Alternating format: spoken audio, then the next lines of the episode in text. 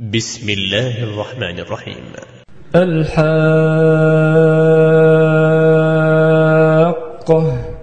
ما الحاقة؟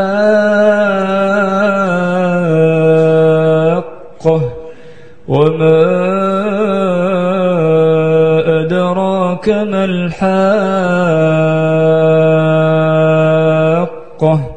كذبت ثمود وعاد بالقارعة فأما ثمود فأهلكوا بالطاغية وأما عاد فأهلكوا بريح صرصر عاتية. سخرها عليهم سبع ليال وثمانية أيام حسوما فترى القوم فيها صرعا كأنهم أعجاز نخل خاوية. فهل ترى لهم من باقية؟ وجاء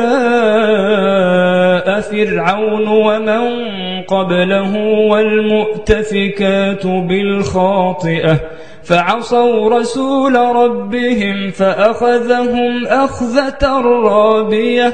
إنا لما طغى الماء حملناكم في الجارية لنجعلها لكم تذكرة وتعيها أذن واعية. فإذا نفخ في الصور نفخة واحدة وحملت الأرض والجبال فدكتا دكة واحدة فيومئذ وقعت الواقعة وانشقت السماء فهي يومئذ واهية والملك على أرجائها ويحمل عرش ربك فوقهم يومئذ ثمانية يومئذ تعرضون لا تخفى منكم خافية. يومئذ تعرضون لا تخفى منكم خافية. فأما من أوتي كتابه بيمينه فيقول هاؤم اقرءوا كتابيه فيقول هاؤم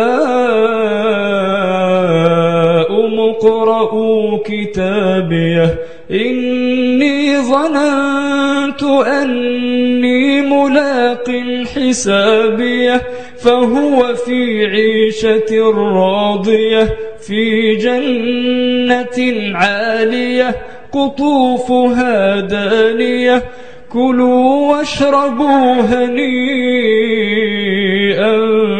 بما أسلفتم في الأيام الخالية. وأما من أوتي كتابه بشماله فيقول يا ليتني لم أوت كتابيه. ولم أدر ما حسابيه. يا ليتها كانت القاضية. ما أغنى عني ماليه. هلك عني سلطانيه.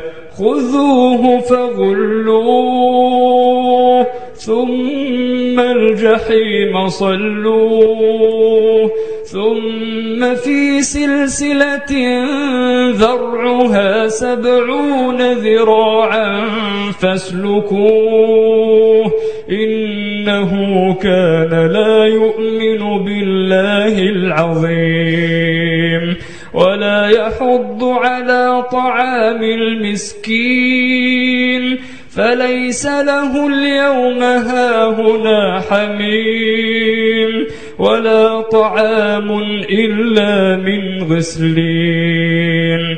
لا يأكله إلا الخاطئون. فلا أقسم بما تبصرون وما لا تبصرون. إنه لقول رسول كريم. وما هو بقول شاعر قليلا ما تؤمنون ولا بقول كاهن قليلا ما تذكرون تنزيل من رب العالمين ولو تقول علينا بعض الأقاويل لأخذنا منه باليمين ثم لقطعنا منه الوتين. فما منكم من أحد عنه حاجزين. وإنه لتذكرة للمتقين. وإنا لنعلم أن منكم مكذبين. وإنه لحسرة على الكافرين وإنه لحق اليقين.